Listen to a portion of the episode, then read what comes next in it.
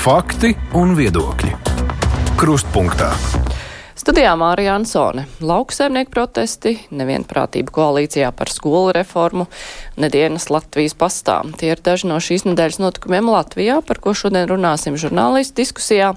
Tomēr noteikti ir jāpiemina arī vairākas aktualitātes ārpus mūsu robežām, kas tieši vai netieši saistās ar Ukrainu un attiecīgi mūsu drošības situāciju nākotnē.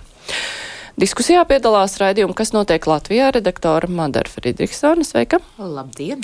Alīna Lastovska no portāla Delfi. Sveika! Sveiki! Inga Gorbunova, RTV galvenā redaktore. Sveiki. Labdien! Un, protams, mans kolēģis Krustpunktā Aidis Tomsons. Sveiks, Aidi! Sveika, Māra! Jā, bet uh, mēs sāksim arī ar uh, tevi un uh, to, kas notiek ārpus Latvijas. Tev šonadēļ bija raidījums uh, divas puslodes, kurās jūs daudz runājāt par iespējamo Ukrainas bruņoto spēku virspavēlnieku nomaiņu. Tajā brīdī tā bija iespējamība, un jūs apspriedāt to, kāpēc šīs ziņas parādījās uh, ātrāk, tad Zelenskis noliedza. Apspriedāt to, nu, kādas sekas varētu radīt šī nomaiņa. Tagad tas ir noticis.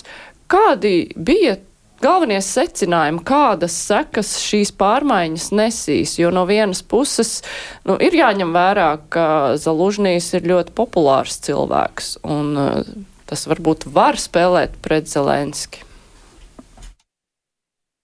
Nu, man gribas domāt tā tīri optimistiski, ka visticamāk nekādas sliktas sekas tas nenesīs. Jo ļoti daudz kas jau arī bija atkarīgs no tā, kā pats Zalužņīs uz to reaģēs publiskajā telpā. Vismaz tik, cik ir bijis līdz šim. Nu, tas drīzāk vieš tādu optimistisku cerību skatoties. Jo, redzi, viena lieta ir skaidrs.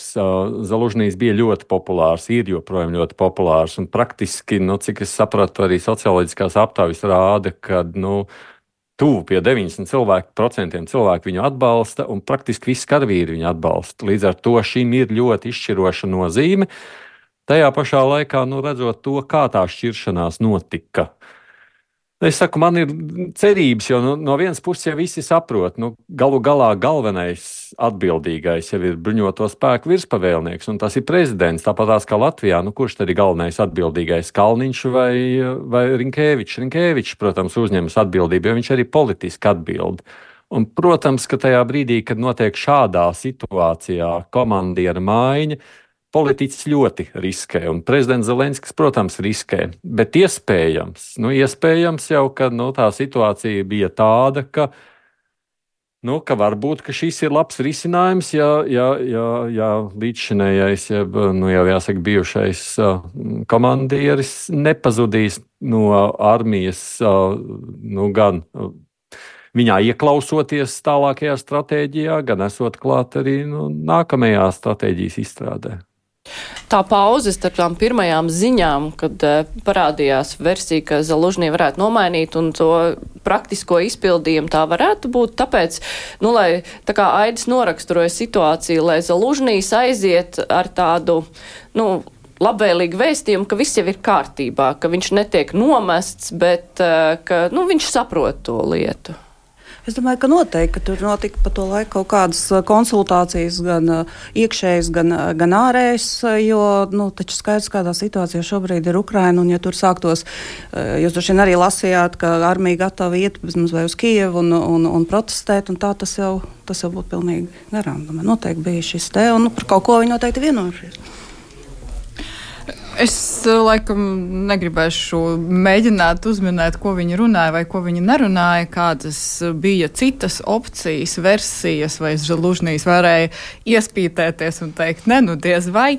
Man uh, liekas, ka svarīgākais uh, pašlaik šajā posmā ir šis Zelenska risks uzņemoties šo maiņu attaisnosies.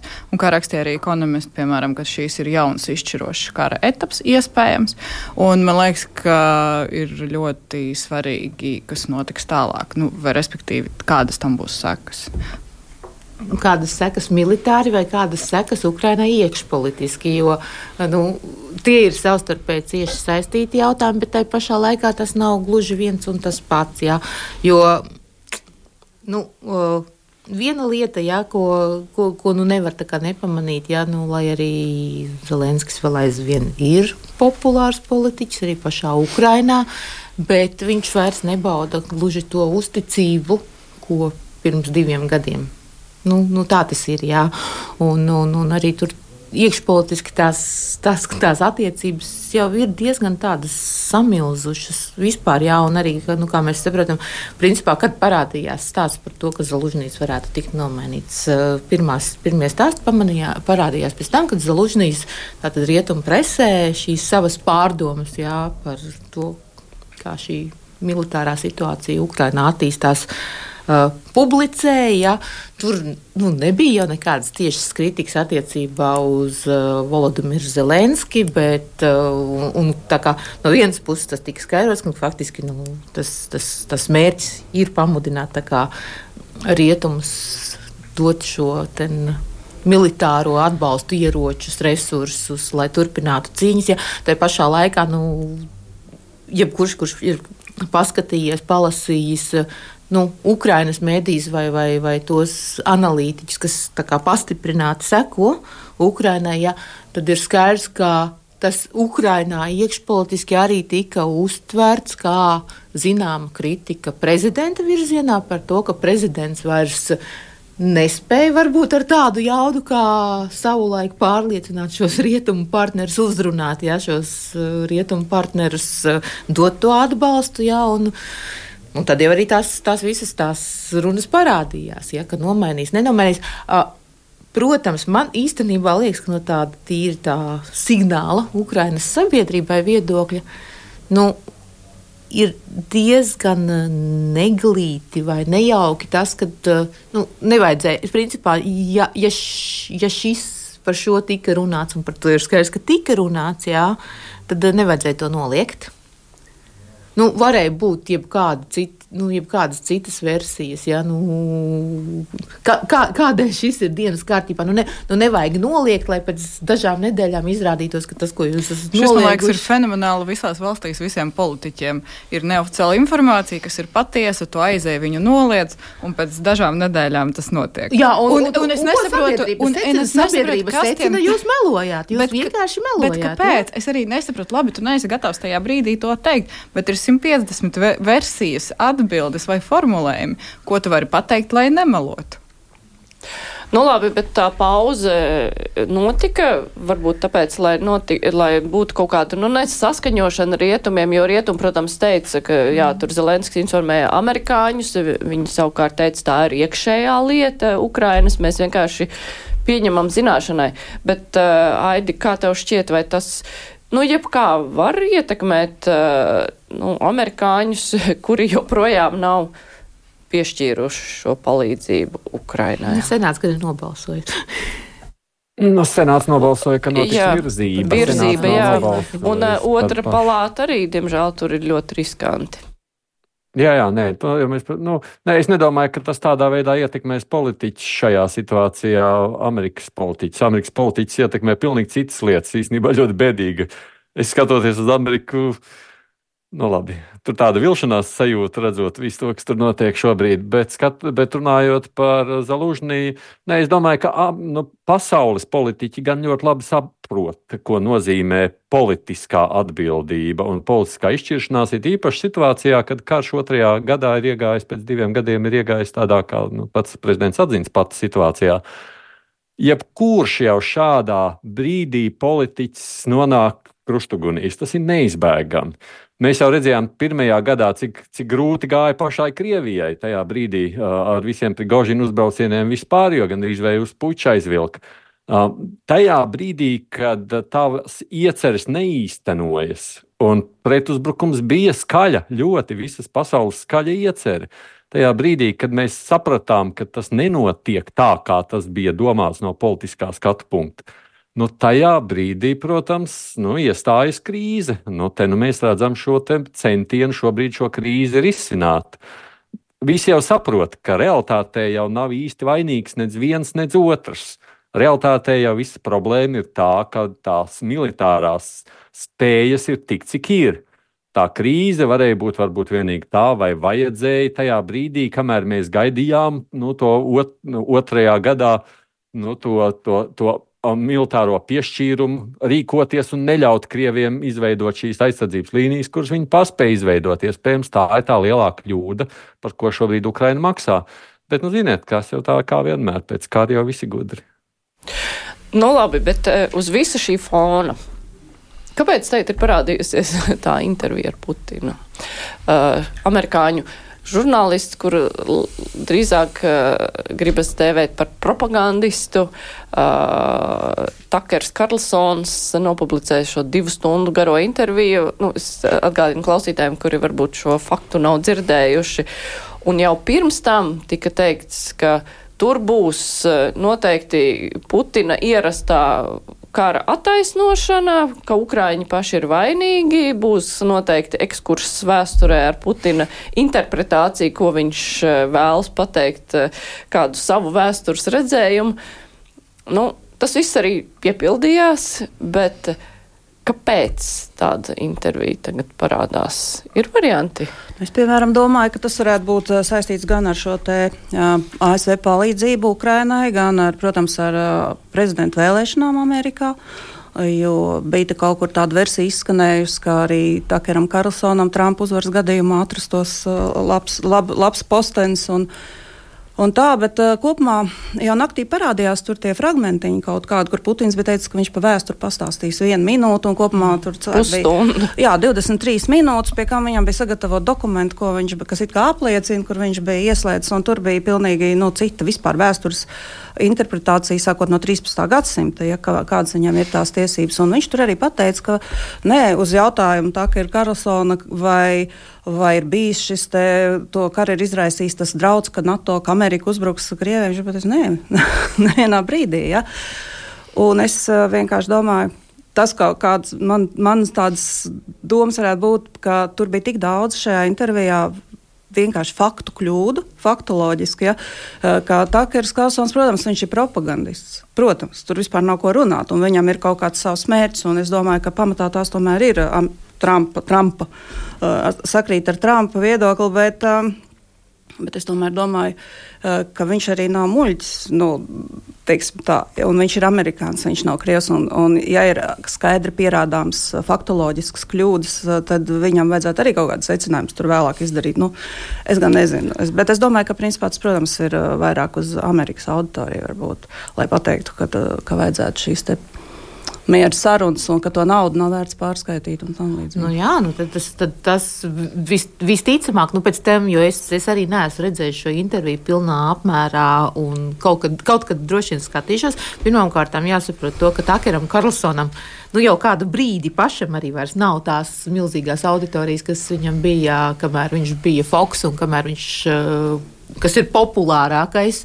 uh, televīzijas kanāls ASV tomēr jā, nu, nav viņam vairs šīs auditorijas. Tad pat tur viņš kļuva nu, zināmā mērā jau var saprast, ka par daudz toksisks pat. Uh, Pat uh, Foksam, ja kuru varbūt tās mēs uz, uztveram nu, tā, kad ir tur zināmas problēmas, varbūt tās, vai, vai, vai pareizāk sakot, viņu tās pozīcijas ir ļoti tādas iekšamerikāniskas, jā, bet, bet pat, pat tur tas kļuva pat traki. Protams, ka tas ir. Uh, no vienas puses tāds uh, Amerikas iekšējai lietošanai uh, paredzēts produkts. Jā, un, un tas ir veids, jā, kā ja mēs tur kādreiz uh, bija gadiem ilgi ņemšanās, kā ASV, kā Krievija ietekmē prezidenta vēlēšanas ASV, nu tad, tad šāda intervija, principā, vai piekrišana šai intervijai, šīs intervijas organizēšana, tas tā ir pēc, pēc būtības tā arī tas ir veids, kā ietekmēt uh, ASV sabiedrisko domu vēlēšanas. Ja? Bet, uh, protams, ka tas, uz ko uh, šajā gadījumā spēlē Kremlis, un kas sakrīt arī, es domāju, ļoti lielā mērā ar Takera Karlsona personisko ideoloģisko pārliecību, ir tas, ka ASV nav jājautā, ka vairāk ir jādomā par sevi, jā, tas make America great again, jā, bet vairāk tādā iekšzemes lietošanā, jā, un, nu, tur tas kaut kāds karš, kā tas kādreiz tur tika arī, kad, Krim, kad Krima notika, jā, kad bija šie spāni, kas to pasniedz, tad, nu, tas tāds slāvu karš, tā ir principā viņu iekšējā lieta, tāda, ja, un lai viņi tur risina, un, un, un, un mums tur nav jājaucās. Ja.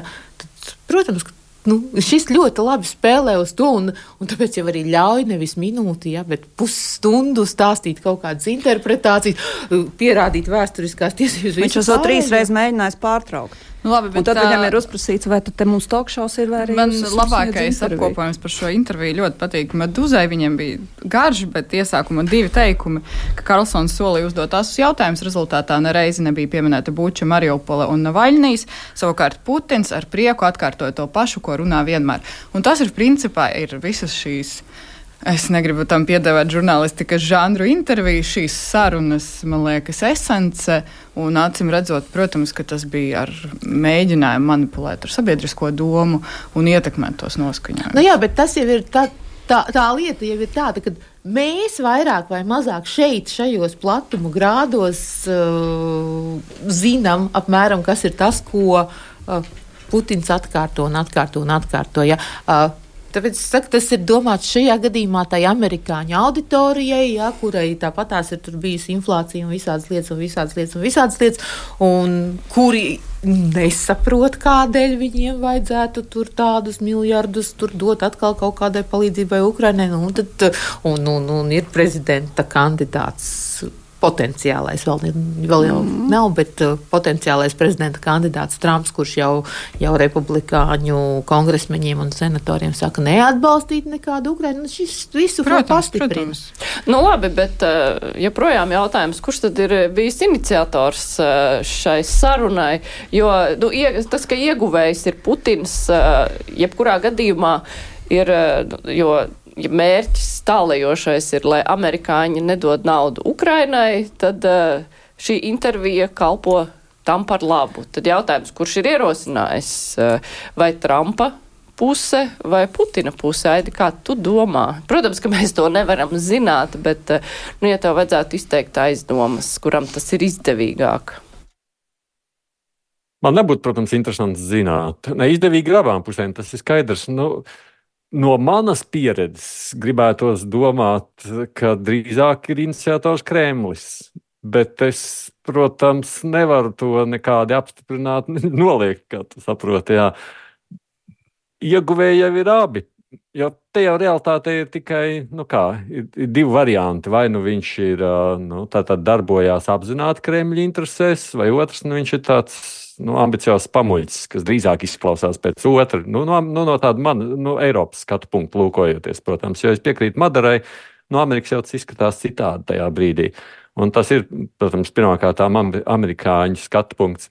Bet viņam, nu kā priekš viņa jau tas ir ieguvums, kā jau te pieminējāt, viņš jau ir prom no žurnālistikas, reālās, tādas lielās žurnālistikas, sacīsim tā. Viņam šī ir iespēja pēkšņi būt padzirdētam visā pasaulē, redz, arī Latvijā viņa tagad piemin un runā. Viņš ir, jā, es domāju, skaidrs, viņš ir nopelnījis liels punkts nākotnē Trumpa komandā, ja Trumpam izdosies uzvarēt vēlēšanās. Līdz ar to viņš ir ieguvējis, Kremlis ir ieguvējis, abas puses ir lieli ieguvēji. Tikai nu, kurš ir pietiekoši gudrs, lai to varētu izdarīt, spriežot jau arī pēc tām pirmiem izteikumiem, tad, kad viņš nolaidās Maskavā, un tur jau parādījās, ka tur kādi vietējie maskavieši tur bija viņi pajautājuši, video slepeni nofilmējuši. Nu, iz, nu, es pēc tā spriežu, ka iniciators ir Kremlis, tikai nu, viņš tā diezgan pamuļķīgi šo lomu spēlē. Piekrīt. Nu, ievērojot to, ka uh, vakar arī bija tās ziņas, ka, ka viņš, kad viņš pasniedz to tā, ka viņš ir vienīgais, kurš, kurš vēlas intervēt, tad parādījās vairāk mēdīju pārstāvju, kas teica, ka viņi arī ir vēlējušies intervēt, un viņiem visiem ir atteikts. Un Takeram Karlsonam vienīgajam ir dot šī piekrišana. Nu, līdz ar to tur arī var izdarīt secinājums. Taču Krievijas propagandas kanāli visu laiku uz viņu atsaucās kā uz savu labāko draugu. ekspertu. Jā, bet, nu, jebkurā gadījumā būtu interesanti reiz uzzināt, kā tas notika, tā visa sarunāšana, kurš kuram zvanīja un kurš, jā, kuram nodeva tās vēstis. Labi, es atgādināšu mūsu klausītājiem un vēlāk televīzijas skatītājiem, ka šodien kopā ar mums ir RTV galvenā redaktora Inga Gorbunova. Alina Lastovska no portāla Delfi, Madara Fridriksone, raidījumu, kas notiek Latvijā redaktoru, un mans kolēģis Kruspunktā Aidis Tomsons, un mēs tūlīt turpināsim jau vairāk ar Latvijas lietām. Raidījums Krustpunktā. Pieminētie zemnieku protesti gan nav tīri Latvijas lieta, jo protesti bija visur Eiropā. Un uh, prasības katrai valstī diezgan dažādas, jo katram ir sava kaut kāda specifika. Uh, tajā pašā laikā nu, es vismaz neatceros nevienu citu jomu, kur visas Eiropas mērogā kaut kādas nozares cilvēki spētu tik tā vienlaicīgi iet protestos, piemēram, pedagogi protestē tur, citreiz tur. Viss ir atkarīgs no kaut kādām iekšējām lietām, bet šajā situācijā viņi ir spējuši vienoties, nu nevienoties, bet pavilkties varbūt viens uz otru tādā Eiropas mērogā. Ar ko tas ir skaidrojams? Nu, lauksaimniecībā bija smags gads ne jau tikai Latvijā, 2023. dažādu iemeslu dēļ. Tas gads ir bijis smags daudz vietā Eiropā. Uh, tās visi strat, lauksainiecības strateģiskie plāni, visas lietas, kas attiecās uz uh, to, kas tiek lemts un domāts uh, saucamo, nu, klimata pārmaiņu jomā, nu, tur pesticīdu ierobežošanas, kaut kādas apzaļumošanas, visādas šīs ten lietas, jā, CO2 emisiju samazināšana. Lauksaimnieki jomā, par to nerunā gandrīz. Uh, Nu, tā ļoti gluži, maz, tā ļoti gluži, maz uz tā, tā gluži nav kam? par strateģisko plānu mm -hmm. runā nu, ja, ja mēs viņos ieklausāmies līdz strateģiskajam plānam, dažu minūšu bet, laikā gandrīz katru, katru reizi šīs lauksaimnieku organizācijas. Bet tā publiski aiziet tomēr eh, tās eh, tie citi vēstījumi par mm. PVN, par Krievijas pārtiks produktiem, tie tie viskaļāk publiski aiziet. Savukārt tās nu, ļoti. Nu, tāpēc, ka tās ir vienkāršas lietas, jā. jā tev ir daudz vienkāršāk virsrakstos vai uh, cilvēkiem. Tas skar vairāk cilvēku, jo tie tev samazina PVN, to uz veikalu un maksā nosacīta nauda. Tev liekas, ka tas tev ietekmē. Un tas zaļais kurs vai izmešu vai vēl kaut kas, tev liekas, ah, jā, bet, kas tur tāls mūs neietekmē un jā, tikai mums ir, būs tas, jāmaksā papildu visiem nodokļi. šiem lauksaimniekiem Eiro, visiem lauksaimniekiem Eiropā šis viss patiesībā sāp, jā, un līdz mm. ar to, nu, kā viņi tā visi tā pavelkās, tāpēc, ka, uh, nu, katram sava specifika, jā, tur attiecībā uz kaut kādām lietām, prasībām, mērķiem, jā, bet ir lietas, kas ir kopīgas un kas sāp. Nu, visiem. nu, jā, tas kopīgais ietvers, kas ietekmē visus, ņemot vērā gan Eiropas Savienības regulējumu.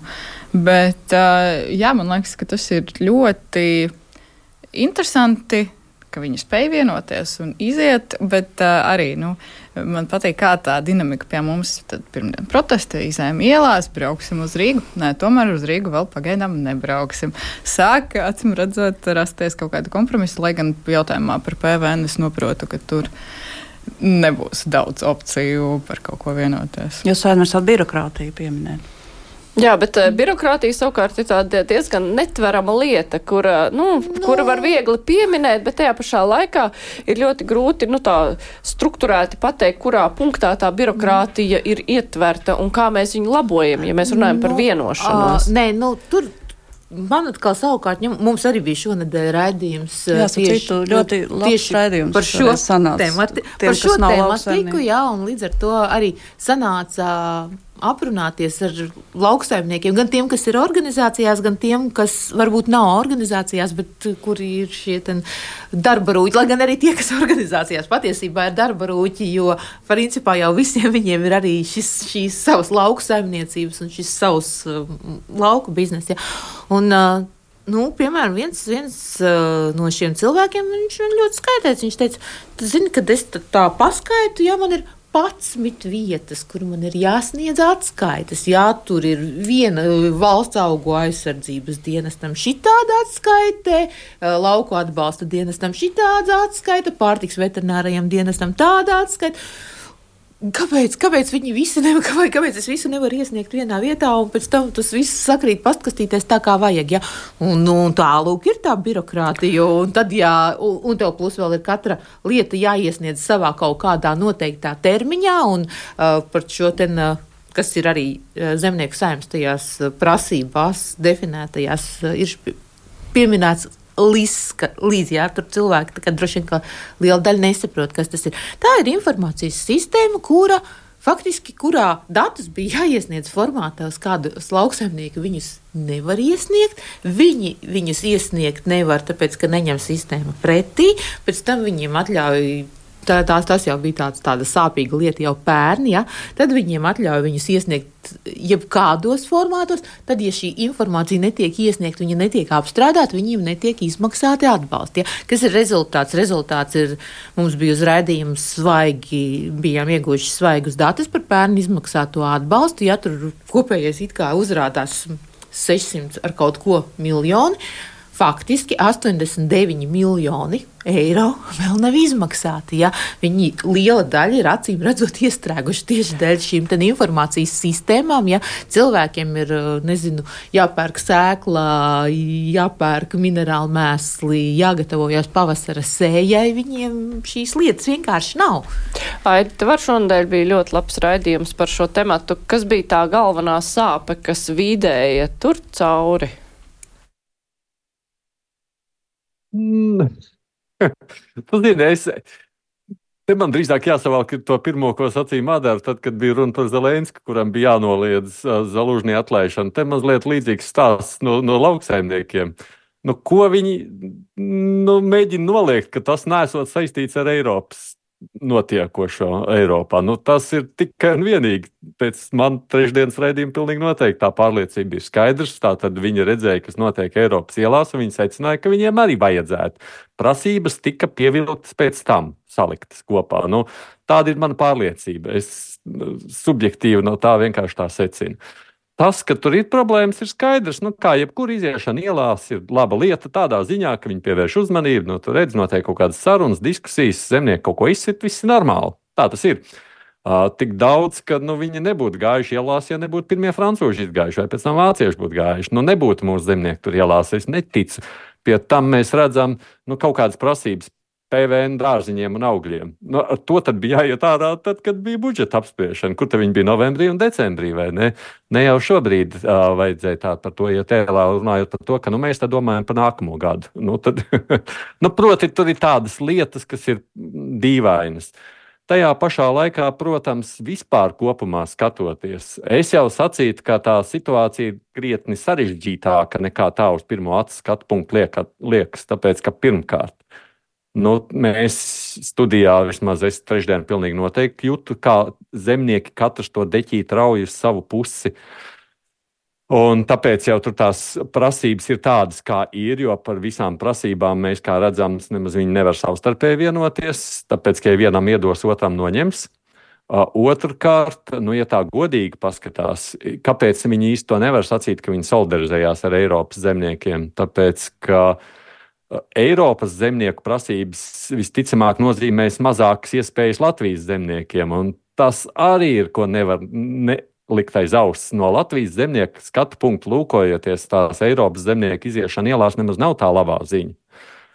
Un, ja vispār skatāmies vēl, vēl viena nianses, protams, redz, Eiropas zemnieku pamatsāpe, kas vīd cauri visām šiem protestu akcijām, ir zaļais kurs un proti cīņa pret klimatu, ko lielā mērā izbauda arī zemnieki. Tā tas ir. Bet nu, lūk, tās pieminētās problēmas, ar kurām jau zemnieki saskarās, ir tieši tāpēc, ka klimata pārmaiņas, jā, tāpēc tas sausums, krustas, vispārējās nelaimes, Itālijā, mēs redzam, Spānijā, visur pārējā, kāpēc zemniekiem kļūst ar vien grūtāk arī tajā galā Grieķijā, piemēram. Un uh, cīnīties zemniekiem pret klimata pārmaiņām, kuras viņiem rada tās lielās problēmas, ir tāds, nu, tāds nu, nu, es pat nezinu, kā lai nosauc, saburtais aplis. Tāpēc nav jau šeit tādas vieglas atbildes, uz, kuras, uz kurām, nu, kuras vienkārši, kā saka, pieņemot kaut kādus lēmumus, varētu atrisināt visas problēmas. Aida, es tev šobrīd oponēšu. Manuprāt, zemnieki nekur īsti nav tā, ka viņi cīnās pret klimata kaut kādām lietām, kā tādām. Viņi uh, cīnās pret uh, tām varbūt prasībām, kuras viņu prāt vismaz viņu prāta nepārdomāti viņiem tiek izdomāts kaut kur. Jā, nu, jā bet viņas jau tiek izdomāts, ja drīkst piedod. Viņas jau tiek izdomāts klimata vārdā. Nu, pieņemsim akcīza degvielai, jā, samazināts vai ne, jā, tur tas bija pieaugums, pat, nu, kas parādās tajās prasībās. Jā. Mēs Latvijā jau pat redzam, pieņemsim, zaļināšanas jautājumu. Pesticīdu stāsts, ko Eiropas komisija jau tikko atteicās. Tie visi ir stāsts par, nu, par, par zaļāku vidi un klimatu pārmaiņām. Bet, bet no otras puses, nu jā, tur jau ir ļoti konkrētas lietas, kas izliet ārā no Eiropas zaļā kursa. Inga, kāda tā esence? Nu, es tā neesmu bijusi līdz šim dziļa speciālista lauksaimniecībā, bet, protams, skatoties sižetus, tos, kas ienāk mūsu televīzijā un arī, teiksim, raidījums, klausoties un skatoties, saprotu vairākas lietas, ka mums ir, ir cilvēki, zemnieki, lauksaimnieki, kas ļoti labi. Nu, tā tiešām dedzīgi iestājas, viņi saprot, par ko viņi iestājas. Mums uh, ir arī nu, tādi, kas vienkārši piebiedrojas, jo viņi tic, ka tur būs viss, ka tā vajag. Un, un arī nu, teiksim, mūsu žurnālisti arī bija tajos braucienos tur uh, paintervējuši šādas tādas vēl citas braucējas. Un, un bija arī tādi, kas teica, ka forši tusiņš ar traktoriem pabraukāt. Bet, bet tas, ko es redzēju uh, jūsu raidījumā, kas, uh, kas notiek Latvijā pēdējā, jā, tur es. es Nu, es sapratu, ka tā viena liela problēma ir tomēr tā mūsējiem ir tā nesaprašanās, tā ka viņi ir runājuši ar ministriju, viņi ir stāstījuši, tas viss ir uzklausīts, un ar uzklausīšanu tas viss arī ir beidzies. Nekur nekādos dokumentos. Tā ministrs saka process. Mm. Jā, process, un tas process, un tas process atnāks nākamais ministrs. Un tas process kaut kur tā kā tas mēdz notikt, pazudīs. Jā, jo, protams, ka kaut kāda tā tā sāpe ir un tas, ka cilvēki vispār ir gatavi, nu, ne jau nu, viņi tā vienkārši pamet savus darbus un vienkārši kaut kur brauc. Ja? Tas nozīmē, ka kaut kāds, kaut kāds process tur arī ir, ka kaut kas nav tā kā vajag un kaut kas tur. Es lasot kolēģiem, sestdienā bija Laumas Spridzānas slēja Es, eh, kamēr vēl internetā viņa bija pieteikusi, un tur bija tāda frāze pieminēta, ka viņa bija sazinājusies šķiet ar Luksemburgas kādu paziņu, kurš teica zemnieku protesti, un visi to ir pamanījuši, ka tukši veikali plaukti. Zemnieki protestē, veikalā nav. Nekā, nu ne jau nekā, bet uh, kaut kādas lietas vienkārši nav. Latvijā, ja zemnieki pēkšņi kaut ko nepiegādātu, nu, mums nebūtu tukši veikali plaukti. Mums e, Latvijas prece ir tikai viena tāda neliela daļa. Vai vispār mūsu sabiedrības tā daļa, kas nav zemnieki, vai nu, viņus tādā gadījumā šie procesi, protesti vispār kaut kā aizskar? Cik tas interesē mūs visus pārējos, ka mūsu zemnieki tur kaut ko tur iet un protestēt un kaut ko grib panākt? Ne, nu, protams, teorētiski vajadzētu būt tā, ka mūs visus interesē. Mēs no, izvēl, nonākot veikalā, izvēlamies Latvijas preci un mūsu zemnieku preci. Un viss, bet, nu, mēs, man liekas, katru vasaru mēs nonākam pie cenu salīdzināšanas kaut vai tirgu un vēl vis kaut kur. Un tur ir dažādi secinājumi arī par to konkurētspēju, jo mēs nevaram noliegt arī to, ka ļoti bieži cilvēks izvēlās pēc cenas preci tie, kas var izvēlēties pēc citiem kritērijiem, es domāju, ka dod arī priekšroku Latvijas precei. Nu, to nevar noliegt. Nu jā, un, un ko nozīmē? Luksemburga ir vēl mazāk valsts nekā Latvija. Jā. Pēc, nu, pēc būtības. Jā, un... šķi, es, es man liekas, sajauc, man liekas, ka runa tomēr bija par Šveici. Jā, man žēl tas komentārs nav priekšā, nu, bet. Uh... Šveica nav Eiropas Savienībā, jā, līdz ar to mm -hmm. viņi tur nevarētu īsti pret Eiropu. Nu, viņi gan ir ekonomiski. Jā, labi, nu, man jā, jāatver tas raksts vaļā, man nav viņš līdzi principā, patiesībā, kāpēc mēs to arī tā neieraudzītu, pat tad, ja mēs ārkārtīgi apzinīgi izvēlamies vai cenšamies izvēlēties Latvijā ražotu produktu, ir tas, ka uh, šobrīd ir februāra sākums, mm. un, un nav jau tā, kā to burkānu, kas ir veikalā, kāds zemnieks no sava pagraba pataisno šeit uh, atved uz to veikalu. Ja tas ir tas, kāpēc mēs to tā kā uzreiz kā patērētāji neieraudzītu lielveikalu tajos plauktos. Ja? Varbūt tur varētu kaut kādas cenas celties, kaut kas, bet uh, arī visticamāk, ka ne, jo tur jau tas, ko mums ražo Latvijā, patiešām ja, tas liela daļa jau ir jau noliktavās stāv, tas jau ir nopirkts rudenī, nopirkts par kaut kādām konkrētām cenām. Vai ar, ar ilga, ilgāka termiņa līgumiem. Jā, līdz ar to mēs, mēs to neredzam. Jā, vai mēs, pat, vai mēs kā patērētāji vai kā kopums, nevis kā indivīds. Katrs, jo katram, katram ir, protams, savs atšķirīgs uh, tas pirkumu grosis, jā, un katrs viņu arī atšķirīgi veido. Ir cilvēki, kam ir principiāli svarīgi, lai būtu, tas būtu vietējais produkts. Ir cilvēki, kuriem principiāli svarīgi, lai vēl tas būtu ekoprodukts, zaļais produkts, un ir cilvēki, kuriem noteicošais ir cena. Jā tur mēs esam ļoti dažādi. Vai mums kā patērētājiem tagad pēkšņi pārtapsim, tāpēc ka zemnieki protestē visi par tādiem, kas ļoti apzinīgi izvēlās vietējo produktu, pat tad, ja tas ir dārgāks, nu droši vien, ka nē. Luksemburga tā bija. Luksemburga, jā. Nu, Luksemburga ir maza valsts. jā. Jā, nu labi. Es domāju, ka mums uh, ir jāgaida vienkārši, kā attīstīsies uh, tālākās sarunas, jo, ja uz Rīgas teikt ar traktoriem nebrauks, tas nenozīmē, ka sarunas viss arī tiks pārtraukts. Pagaidām nebrauks. Pagaidām nu, nebrauks. Pagaidām nebrauks. Ne, nu, tur droši vien, ka ir kaut kāda daļa, piemēram, tas, kas attiecās uz to pašu birokrātiju. Nu, es saprotu, ka tur tās visas tās kaut kādas sistēmas salikt kopā, lai tam zemniekam tiešām nav 15 vietā jāskait, jāsniedz tās atskaites, bet vienā tam nevajadzētu vietā, būt tik grūti. Tam nevajadzētu būt tik grūti, un varbūt, varbūt ka beidzot tiešām tam pieķersies klāt, lai gan mums valstī tiešām IT sistēmas vienmēr maksā ļoti, ļoti daudz. Un neko bet, mēs savietot nevaram. Un, Atceramies jā. kaut vai pabalstu jautājumus, jebkuru citu jautājumu, nevienu datu bāzi, ne ar ko mēs mm, savietot nevaram. Jā, bet, datus iegūt mēs nekur nevaram un neko mēs jā, nezinām. bet tur tos acīm redzot, teiksim, to pašu nelaimīgo līdz sistēmu vai, vai kādas no šīm sistēmām uz kādu brīdi padarīt par neobligātām kamēr viņas mm. tiek uh, normāli sakārtotas, tu jau nu gan varētu droši vien arī nākamnedēļ. Jā, vajadzētu arī saprast, ka cilvēks jau tiek konceptuāli nokaitināts ar to, ka viņam tikai krāja krāja virsū, jo tas obligāti jāizdara, lai tu kaut ko dabū, bet tajā pašā laikā neviens neatvieglo viņam to procesu, lai viņš varētu to izdarīt. Ja? Aidis arī gribēja ko piebilst.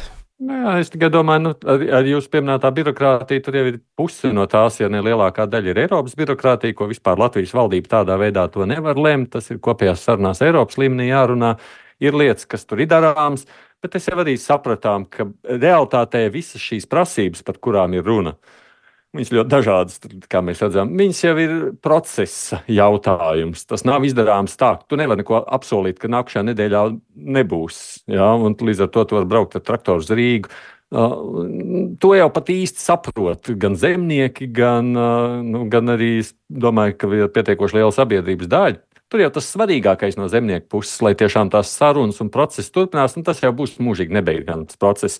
Tiek vērts jaunas programmas, tām ir jaunas prasības, tās prasības atkal jāpielāgojas, tās, ko birokrātijā var samazināt, tikmēr jau ir nākamā programma. Tas ir nebeidzams process. Tā tam ir jābūt svarīgi, ka notiek sarunas. Tas ir būtiskākais. Nu, labi, iesim uz nākamo tematu, kur arī ir iesaistīti zemnieki, bet politiskie zemnieki šoreiz uh, valdības koalīcijā nav vienprātības par uh, skolotāju algu modeli jauno, kas tiek piedāvāts, kas ir uh, viss saistīts ar skolu tīkla reformu.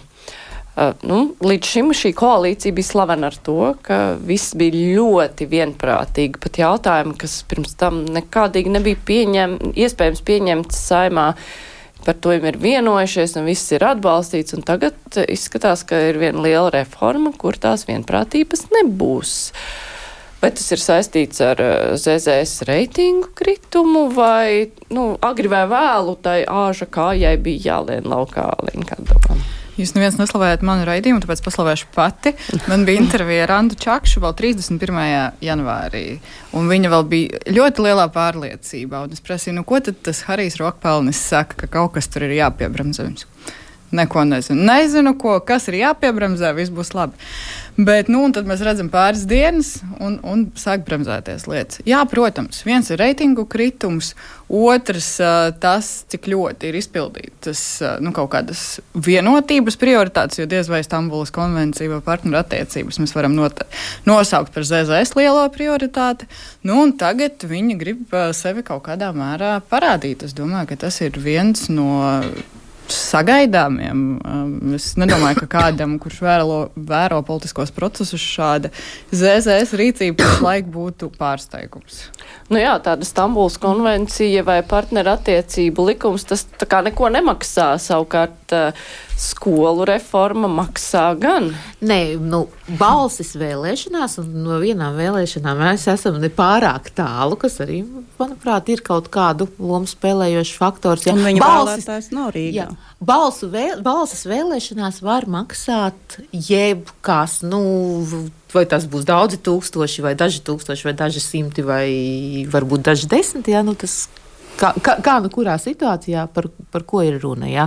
Es domāju, ka arī Stambulas konvencija un partnerattiecības, protams, Zaļo un Zemnieku savienībai maksās kaut kādas balsis. Nu, tas ir tā politiskā jā. samaksa. Jā, tā ir tā politiskā samaksa. Jā, tas, tas kas, protams, ir tā. Uh, traģikomiskā lieta, kā patiesībā Zaļo un Zemnieku savienība pērnā gada novembrī uh, jau ir atbalstījusi šo izglītības finansēšanas modeļa reformu, atbalstot informatīvo ziņojumu, kurā visi šie kvantitatīvie kritēriji par to, kas kā bija jau ielikti iekšā. Nu, šobrīd patiesībā bija stāsts par to, ja, kas, ir, kas ir tas, ko Izglītības un zinātnes ministrija ir izdarījusi. Izglītības un zinātnes ministrija ir pirms nedēļas iesniegusi izskatīšanai valdībā izglītības likuma grozījumus, kas faktiski viņai iedotu šīs ten, uh, nu, jā, pilnvaras. Informatīvais ziņojums nav likums. Pieņemts. Jā, bet, uh, bet likums kā tāds patiesībā mums par šiem kvantitatīvajiem kritērijiem nepasaka pilnīgi neko. Viņš uh, Vienkārši šie grozījumi vienkārši deleģē valdībai tiesības noteikt šos kritērijus, kurus patiesībā Zaļo un Zemnieku savienība nu, traģikomiskā kārtā 21. novembrī. Nu, labi, tas, ka viņi atbalstīja, nepalīdz pašlaik to visu ieviest no jaunā mācību jā, gada. Tas, tas taisnība, bet arī jā, jā, jāatzīst, ka ja mums pagājušo nedēļu bija šis tieši arī raidījums par to, un ja tajā brīdī, vismaz tajā nu, tā, vakarā, tāpat, bija tā, ka jaunā kultūras ministra atbalstīja drošības koncepciju, kur bija sabiedriskā mēdīja krievu valodā termiņš, kuram viņa vēlāk nepiekrīt. Nu, neizlasīja, nu, kurš to stratēģiju, kritērijus, plānošanas dokumentus var bet, iziet cauri. Nē, bet es domāju, es ka ironizēju. Nē, nē, bet, bet iedomājies arī, nu, nu, tagad ir tā, ja, ka, ka Zaļo zemnieku savienība, viņi tātad novembrī vai nu neizlasa vai vienalga kādu iemeslu, viņi saka, jā, ok, jo patiesībā jau valdība šī, te, nu, Eviks Silijas valdība, tas bija viens no tiem pieciem darbiem, ko viņi tur apņēmās izdarīt jā, līdz gada beigām. Tātad viņi pasaka, jā, labi.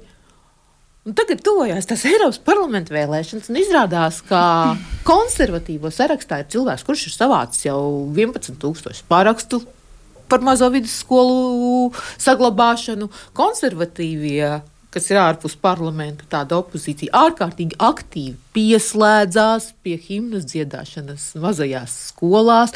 Tas viss tā kā tā kuļās. Ja, uh, parlamenta opozīcijā esošā apvien, ap, esošais apvienotais saraksts, Nacionālā apvienība, tie arī tur pieslēdzās jau pie kaut kādiem reģioniem, ja, kuros ir jālemj. Ja, un, un, un viņi saprot, pēkšņi tagad, tagad ir tā, ka šie ten visi runā ar šo mūsu elektorātu.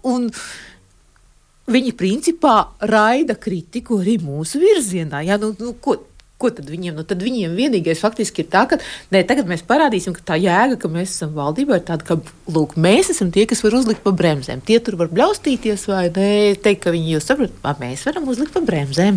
Tas, ko es ātri es gribēju piebilst, man liekas, ka, protams, tās deviņas vietas Eiropas parlamentā, nu, mēs varam paskatīties to konkurenci uz vienu vietu, ir politikā laikam viena no augstākajiem, visiem gribās, bet es nezinu, vai ZZS tā ir milzīgā prioritāte. Tur ir milzīga prioritāte, ne, bet, par, bet neļaut bet sev, neļaut kritums, protams, sevi paņemt, jā, satrauc. principā viņu elektorātu paņemt šiem visiem, ja, kas tagad var šobrīd viņu viegli paņemt ar to. Vi, viegli paņemt, bet arī viegli pazaudēt līdz nākamajām vēlēšanām. Bet es domāju, ka ZZS tomēr domā arī par nākamajām saimnes vēlēšanām visvairāk. Un tagad Pašvaldība. es pārreklamēšu savu nu, mūsu rādījumu.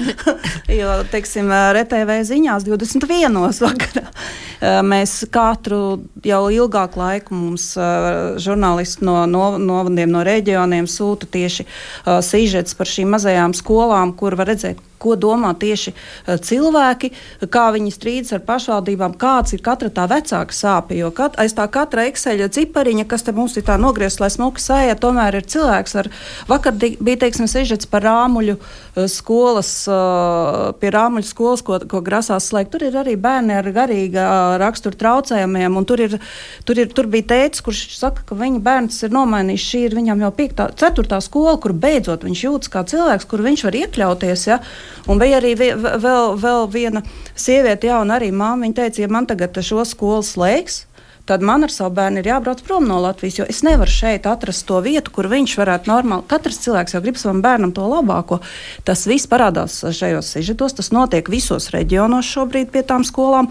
Un es domāju, ja mēs atgriežamies pie ZZS, viņi taču tomēr saprot, kur ir viņu vēlētājs. Un tā saima jau nav nemaz tik tālu mums tas, mums tas viss. Kā, nu. Nu, labi, e, skolu reforma jau visu laiku, nu, nu tas, tas nav jautājums, kur viss ietu gludi. Tas ir gadiem ilgi mēģināts darīt un mēģināts, mēģināts. Tad e, jaunā koalīcija, kurai viss bija tik e, labi gāja no rokas, nav panacēja, lai to izdarītu. Arī šajā gadījumā tur tiks, nu, tie sprunguļi riteņos būs sabāztāji, kā tu domā? Man patiesībā, es saprotu, ka politiski tas ir jūtīgs jautājums, un šajā ziņā es reizēs saprotu, tas ir viņa vēlētājs. Viņš nevar to nerēķināties, un īsnībā, ja viņam šis ir bijis svarīgs jautājums, nav tā, ka tas viņiem nav būtisks jautājums. Bet uh, skatoties uz visu to procesu, kas ir Latvijā vispār noticis līdz šim, to, kas notiek skolotāju algām, iz, izka, izkaisītība un visu to pārējo, Man jau šķiet, ka tas vispār nav godīgi no Latvijas sabiedrības un arī no valsts pārvaldes viedokļa šo uzlikt vispār uz vienas ministrijas pleciem. Tas nav vienas ministrijas jautājums. Tas vispār nedrīkst būt, manuprāt, viens ministrijas jautājums. Jo, nu, kā jau Tīns sacīja, tajā brīdī, jau, kad mēs paklausāmies to, ko tie ļaudis saka tajās skolās, tas jau ir jautājums par reģionālu attīstību kopumā. Tas ir jautājums par Latvijas sabalansētību, nu, tas ir jautājums par to, vai mēs gribam, lai lauki vispār izmirst kā tādi. Kā tad mēs gribam to sabalansētību uzturēt? Un šis nevar būt viens izglītības ministrijas jautājums. Mums jau tā ir vispār tāda Latvijas problēma, ka redz, mums katrs ir sadalīts pa saviem lauciņiem. Nu kā, ir skaidrs, ka skolotāji mazas algas, viņiem tur mazas. Nu, Tā ir izglītības ministrijas problēma. Tas ir skaidrs, bet viņi, viņi kopumā nav būtu pareizi, ka risina. Es pat nezinu, kurš te var. Lūk, šeit es gribētu redzēt prezidentu. Es gribētu, ka viņš uzņemās, es nezinu, tādu nācijas vienotības jautājumā, kad mēs kā sabiedrība vispār spējam vienoties, kādu mēs gribam redzēt Latvijas nākotni, ko mēs gribam redzēt pie robežās, ko mēs gribam redzēt tajā Baltiņavā vai visur citur, kur tās problēmas ir. Un tad, kad mēs esam kā sabiedrība vienojušies un saprotam, ko tas mums maksā, tad mēs arī saprotam, nu, ko mēs kā sabiedrība ejam. Šobrīd, nu, nu, nu, Nu, mēs esam katrs atstāti ar savām sajūtām, vecāks ar savu bērnu sajūtām, un tas ir arī viss man vispār nepatīk visa tā kopējā aina, kas attiecās uz šo. Nu, prezidents līdz šim ir mēģinājis šajā diskusijā iesaistīties ar aicinājumu, nu, tā pārfrazējot, eh, nebūt tik arogantiem, uzklausot viens otru viedokļus, bet mēģināt ieklausīties. Bet vai ir iespējama, nu, piemēram, no prezidenta puses tāda iniciēta vienošanās un saprašana un diskusija par to, ko Aidis runāja, ko tad prasa, ko mēs gribam redzēt kā sabiedrība un ko prasa šī reforma, kā to vispār praktiski var izdarīt? Jo cilvēki jau jūtas neuzklausīti viņos it kā neviens neklausās, un viņi gribētu vienkārši, lai viņus uzklaus, viņi gribētu izstāstīt to savu domu, saprast to arī. Tiešām es absolūti piekrītu tam, ko Aidis saka, ja, ka tas ir, uh, tas ir tāds konceptuāls jautājums, un pirms vēlēšanām, ko mēs dzirdam no visām partijām, gan arī attīstīsim reģionus, atgriezīsim mūsu cilvēkus laukos. Protams, ka tur ir ekonomika, vēl kaut kas vajadzīgs, bet tas viss ir tukšs frāzes. Beigās tie cilvēki jūt tikai to, ka tie, arī tie jaunie, jaunās ģimenes aizbrauc kaut kur. Beigās tur viņiem viss Visi taču skatās, vai tur ir bērns, vai tur ir skola, vai tur ir kaut kas. Tikai visu tā pamazām likvidē. Nu, kāpēc viņi tur aizbrauca? Jā, man, nu, Es gan gribēju papildināt tādu, es, ne, es nezinu, vai tā ir prezidenta funkcija, bet arī prezidents, protams, varētu paskatīties, kas ir ar to noticis.